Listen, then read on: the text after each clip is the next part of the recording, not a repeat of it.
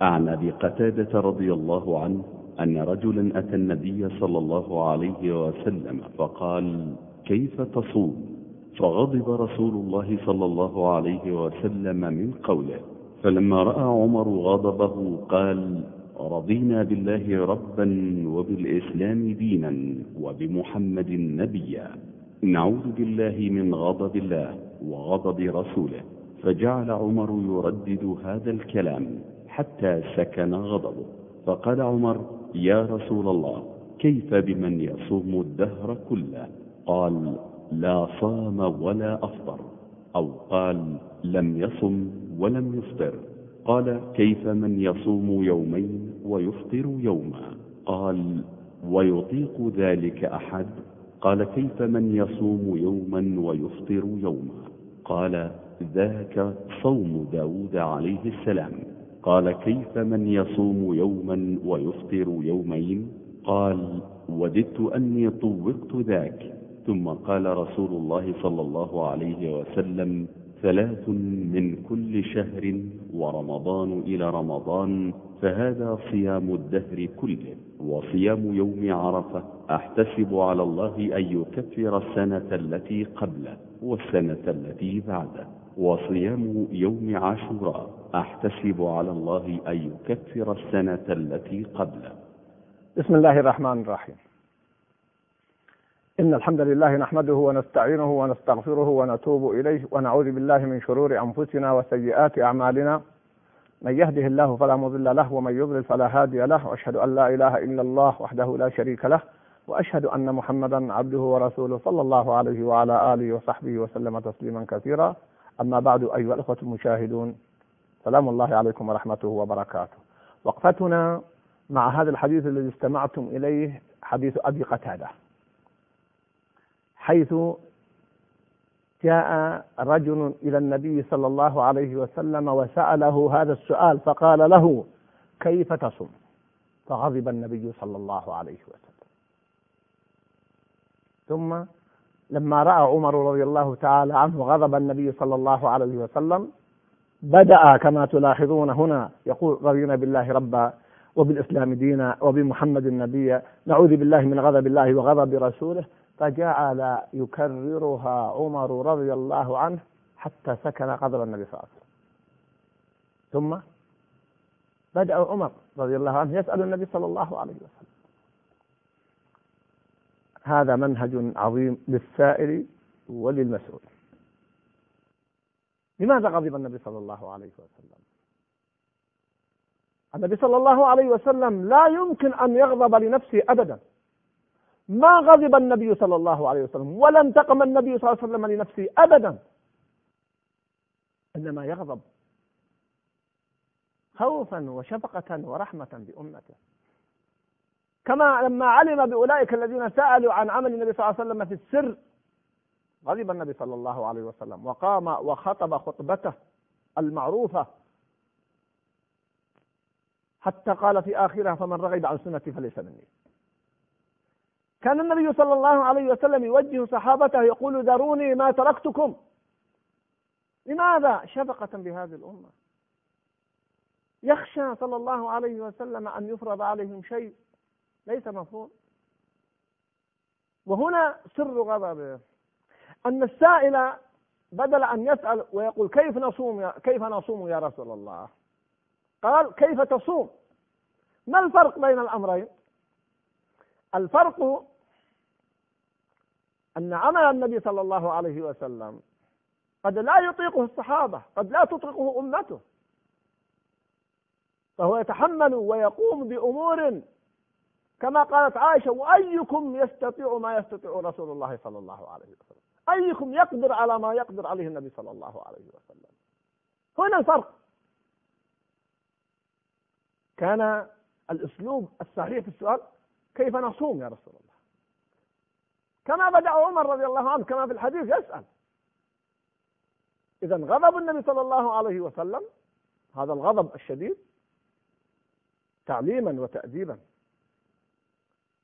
وهو خيط فاصل ورفيع بين الغضب للنفس والغضب لله من أجل الأمة ورحمة بالأمة. نخلط بينهما. وهنا العالم نأخذ منه أن من واجبه أنه إذا أخطأ بعض السائلين ورأى أن من المصلحة العامة لا الخاصة أن يعلمه أو أن يؤدبه دون حدوث مفسدة أعظم فليفعل. ولذلك كما قلت هكذا فعل النبي صلى الله عليه وسلم غضب ولما جاء من يسأل عن عمله في السر ثم قالوا ما قالوا صعد المنبر وحمد الله وأثنى عليه وقال قولته المعروفة أما أنا فأصوم وأفطر وأصلي وأنام. و إلى ما إلى ما آخر الحديث الذي تعرفون. وفي الأخير يقول النبي صلى الله عليه وسلم فمن رغب عن سنتي فليس مني. هذه مسألة آمل أن تكون واضحة من خلال هذا الحديث حتى نفصل بين المسألتين وقد يسأل سائل لماذا غضب النبي صلى الله عليه وسلم؟ رفع رفق وشفقة ورحمة بهذا ثم تأملوا أيها الأحبة أسلوب عمر في تهدئة النبي صلى الله عليه وسلم. بدأ بهذه الكلمات الرائعة رضينا بالله ربا وبالإسلام دينا وبمحمد صلى الله عليه وسلم نبيا نعوذ بالله من غضب الله وغضب رسوله صلى الله عليه وسلم. وفي هذا يدل على تأثير القرناء والمصاحبين للعالم والمسؤول والكبير والموجه والقائد. هنا أهمية اختيار الرفقة الصالحة التي تساعدك يا أخي على نوائب الحق. انظروا إلى أسلوب عمر رضي الله عنه. وكيف دخل في الوقت المناسب كما هي عادته رضي الله تعالى عنه؟ حتى هدأ النبي صلى الله عليه وسلم. وهذا يجعلنا إذا رأينا من وقع في أمر من الأمور أو مشكلة من المشكلات أو ما سميته في أحوال أخرى في مصيبة من المصائب كيف ننقله من هذا الواقع الذي هو فيه إلى واقع آخر؟ فعمر رضي الله عنه نقل النبي صلى الله عليه وسلم بهذا الأسلوب الجميل من حالة الغضب إلى أن سكن النبي صلى الله عليه وسلم ورضي. فنقله بعد ذلك إلى النقلة الأخرى في أسئلته. ولذلك نحتاج إلى الجانب النفسي ومراعاة الجوانب النفسية في تعاملاتنا مع البشر حتى مع القادة حتى مع المسؤولين حتى مع الأئمة حتى مع العلماء. مراعاة الجانب النفسي منهج نبوي ومنهج قرآني. وسلكه الصحابة رضوان الله عليهم في تعاملاتهم وأسلوبهم ومواجهة المشكلات. أشرت إلى هذا وتحدثت عنه في حلقة ماضية. فيا إخوة الكرام أيها العلماء يا طلاب العلم أيها الآباء أيها الأمهات أيها المربون العناية العناية في الجوانب النفسية. إياكم أن تتساهلوا فيها. أنتم لا تتعاملون مع حجر وجمادات إنما مع نفوس من لحم ودم ومشاعر وأحاسيس.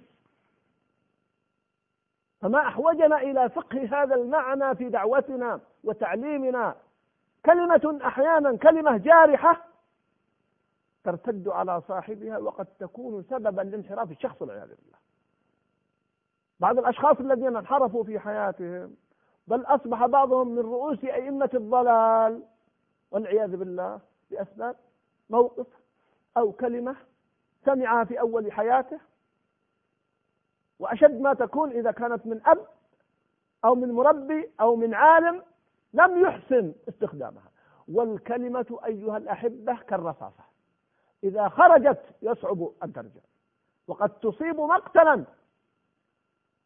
الجمل العظيم تقتله رصاصة بهذا الحد إذا أصابت مقتلا. بل أقل من ذلك. فكذلك الكلمة. إن النفوس إذا تنافر إن القلوب إذا تنافر ودها مثل الزجاجة كسرها لا يجبر. فلنراعي هذا الجانب في مراعاة النفسيات ومعالجة النفسيات. كما هو ظاهر وبارز وبين في هذا الحديث. وعمر رضي الله عنه وفق في ذلك كثيرا وهو الموفق والملهم والمحدث الذي وافقه القرآن في مواضع عدة. نقطة مهمة جدا في هذا الحديث. كيف؟ هذا السائل هذا الصحابي الكريم الجليل الذي جاء يسأل النبي صلى الله عليه وسلم يريد الخير؟ لا شك في ذلك. لكنه لم يوفق في السؤال. فبدل أن يقول كيف نصوم؟ وما هو المشروع في الصيام؟ وما هو أفضل الصيام؟ جاء مباشرة وقال كيف تصوم؟ صيام النبي صلى الله عليه وسلم يخص. ولذلك إذا جاء أحدنا يسأل عالما لا يقول له كيف تصوم؟ كيف تصلي؟ إنما قل له ما هو المشروع في ذلك؟ لأن هذا العالم قد يكون يقوم بأعمال يصعب عليك أن تقوم بها. كما هو بالنسبة للنبي صلى الله عليه وسلم كان يقوم بأعمال وفضائل لا يستطيع أن يقوم بها من مواصلة الصيام من قيام الليل من العمل الديمة قد يصعب على غيره. وقد يكون أحيانا عند طالب العلم أو غير شيء من التقصير فإن أخبرك بتقصيره فمشكلة. وإن أيضا لم يجبك فمشكلة. فالخطأ فالخطأ في السؤال. قل يا أيها الشيخ أيها العالم ما المشروع في هذه المسألة؟ ماذا ثبت عن الله وعن رسوله؟ ماذا قال العلماء؟ حتى لا تقع في الإشكال في السؤال عن عمل الشخص. ينفعك علمي ولا يضرك تقصيري. هنا جاء دور عمر رضي الله عنه. بعد أن هدأ النبي صلى الله عليه وسلم بهذه الكلمات الرائعة الجميلة. رضيت بالله ربا وبالإسلام دينا وبمحمد صلى الله عليه وسلم نبيا أعوذ بالله من غضب الله وغضب رسوله. فسكن غضب النبي صلى الله عليه وسلم انتقل إلى الحصول على المراد. فبدأ يسأل النبي صلى الله عليه وسلم هذه الأسئلة الجميلة الرائعة. وهل غضب النبي صلى الله عليه وسلم؟ لا ما غضب. بدأ يجيبه. فإذا هو يجيب بما أراده السائل الأول وأشمل وأعم ما الذي حدث؟ اختلف الطريقة اختلف الأسلوب النبي صلى الله عليه وسلم أراد أن يعلم أمته وأن يعلم هذا الصحابي وغيره وإلا فهو ممن يؤذى أشد من قضية سؤال لكنه أسلوب التعليم والغيرة والحرص على أمته والرفق بهم كما ذكرت في أول حديثي. فعمر جاء بهذا الأسلوب. أردت أن أقول إننا نخطئ كثيرا في الوصول إلى مقاصدنا وغاياتنا. فتكون الغايات حميدة وجميلة ومقبولة. ولكن نخطئ في السؤال أو في الوصول إليها. أذكر قصة استمعت إليها منذ سنوات وأثرت في دلالتها في نفسي يقولون أن أحد الخلفاء رأى رؤيا. وهذه الرؤيا رأى أنه تسقط أسنانه في المنام. فقال ائتوني بمعبر من المعبرين. فقال له المعبر وأنا أذكر القصة بالمعنى لا باللفظ. قال له المعبر الأول إن أهلك وقرناءك وأسنانك يموتون وتبقى أنت. فغضب غضبا شديدا. ماذا يريد بالخلافة والملك وقد مات أهله وأقرانه؟ فأمر بطرد هذا المعبر. بل قيل إنه ضربه. قال ائتوني بمعبر آخر. فجاءوا بمعبر آخر. ماذا قال هذا المعبر؟ لما قص عليه الخليفة هذه الرؤيا قال له هنيئا لك يا أمير المؤمنين. فبدأ يتلحف لأن الأول قال له يموت قرناؤك وأهلك وأسنانك وتبقى أنت. ماذا؟ ماذا؟ قال هنيئا لك بطول العمر. ففرح. ما الفرق بين الأمرين؟ إذا طال عمر الإنسان مات أقرانه وأسنانه. رأيت رجلا عمره أسأل الله يختم لنا له بالخاتمة الطيبة فوق التسعين. يقول جميع قرنائي قد ماتوا والذي لم يمت منهم فهو الآن قريبا من الموت مريض أو متعب. هذه سنة الله جل وعلا. إذا انظروا إلى التعبيرين. معناهما واحد لكن اختلفا في الأسلوب. بل علق القرقسي تعليقا جميلا على هذه القصة التي أشرت إليكم أشرت إليها في حديثي إليكم. وقال لو أن رجلا أسر هو وابنه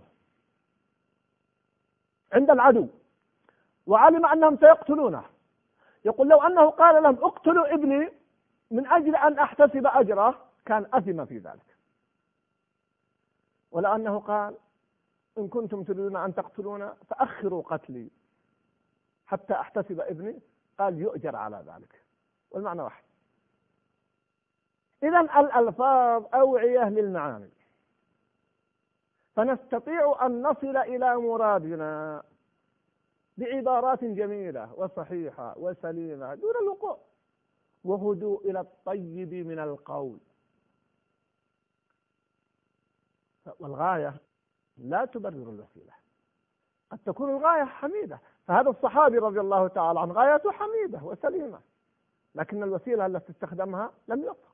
الصحابة الذين جاءوا وسألوا عن عمل النبي صلى الله عليه وسلم في السر غايتهم سامية وعالية لكن لم يوفقوا في الأسلوب. عمر رضي الله عنه في سؤاله للنبي صلى الله عليه وسلم وفق بذلك توفيقا عجيبا. إذا هنا نحتاج إلى أن نتعلم كيف نسأل وكيف نجيب. كيف نحقق أغراضنا. أحيانا بعض الناس يأتيك بعض أولادك ويطلب منك طلبا مباشرا أو تأتي زوجتك وتطلب طلبا مباشرا. قد تغضب. ولكنها لو عرضت لكان أقوى. أذكر لكم مثال سمعته من أحد الأخوة. جميل. يقول أحيانا بعض الناس تأتيه زوجته وتقول قم أوصلني إلى أهلي. أو إلى العائلة الفلانية. الكلمة صعبة. شديدة. ما تتناسب من الزوجة مع زوجها. الآخر تقول له زوجته إلى أين أنت ذاهب اليوم؟ فيقول لها لماذا تسألين هذا السؤال؟ تقول الله أنا أريد أعرف طريقك. إن كان طريقك على أهلي أريد أركب معك. يقول أبشري. لا ليس على أهلك لكن ممكن أوصلك إلى أهلك. انظر الأسلوب محققة واحدة والنتيجة واحدة. لكن هذه وفقت في العرض وتريد تريد أن تأمر بالقوة. بعض الآب الأبناء ما يوفق في الطلب من أبيه. أما تلاحظون أن بعض الآباء يستجيب لابن ولا يستجيب للآخر؟ هل تتصورون أنه يكره ابنه؟ لا. ما تلاحظون أن الآباء كثيرا ما يستجيبون للبنات أكثر ما يستجيبون للأبناء؟ لماذا؟ لأن البنات غالبا أحسن في الأسلوب وفي الطريقة. من بعض الأبناء هداهم الله. تأتيه بأسلوب جميل وطريق وقد تقدم بمقدمة فيها تعريض وتصل إلى مرادها. وهكذا الحياة. جميعا. لو أننا سلكنا هذه المسالك لا وصلنا إلى حقائق. أذكر مثلا حقيقيا يذكره سمعت أحد المشايخ يذكر يقول كان عندي مشروعا فذهبت إلى أحد التجار. فبدلا من أن يأتي إليه ويقول له أنا عندي مشروع وأريد منك أن تساهم وأن وأن وأن إلى آخره. يقول أبدا لم أقل له شيء. يقول قلت له نحن عندنا مشروع والحمد لله مشروعنا كذا وقد تبرع بعض الناس بكذا وبعض الناس بكذا. يقول فقط. يقول فإذا هو يتبرع بمبلغ كبير جدا يقول حتى أني اضطررت أن أقول له إن المبلغ كبير وأنك قللت منه. خشية من إحراجه. بينما بعض الناس هداه الله يدخل على التاجر ويقول أعطني. ولا فضل لك في هذا. وأنت وأنت. سبحان الله. وقد يسمع جوابا لا أسره. مع أن هذا التاجر قد يكون رائعا وخيرا وطيبا. لا يا أخي الكريم. فالشاهد أن الألفاظ والكلام يحتاج إلى أساليب جميلة وأختم فأقول هذا الحديث. وردت فيه أفضل أنواع الصيام وقد تحدثت سابقا عن ذلك وأفضل أنواع الصلاة. فما أحوجنا إلى الاقتداء والأخذ بمنهج الوسطية والالتزام بهذا المنهج الرائع والاعتدال حتى لا نقع في الخلل أو الخطل. ولنا حديث عن مثل هذا بإذن الله في حلقة قادمة. ولنا حديث عن مثل هذا بإذن الله في حلقة قادمة. نبين لها ونبين فيها المنهج الشرعي الذي يلتزم بالوسطية وأن يكون العمل دينه وإلى ذاك اللقاء. والسلام عليكم ورحمة الله وبركاته.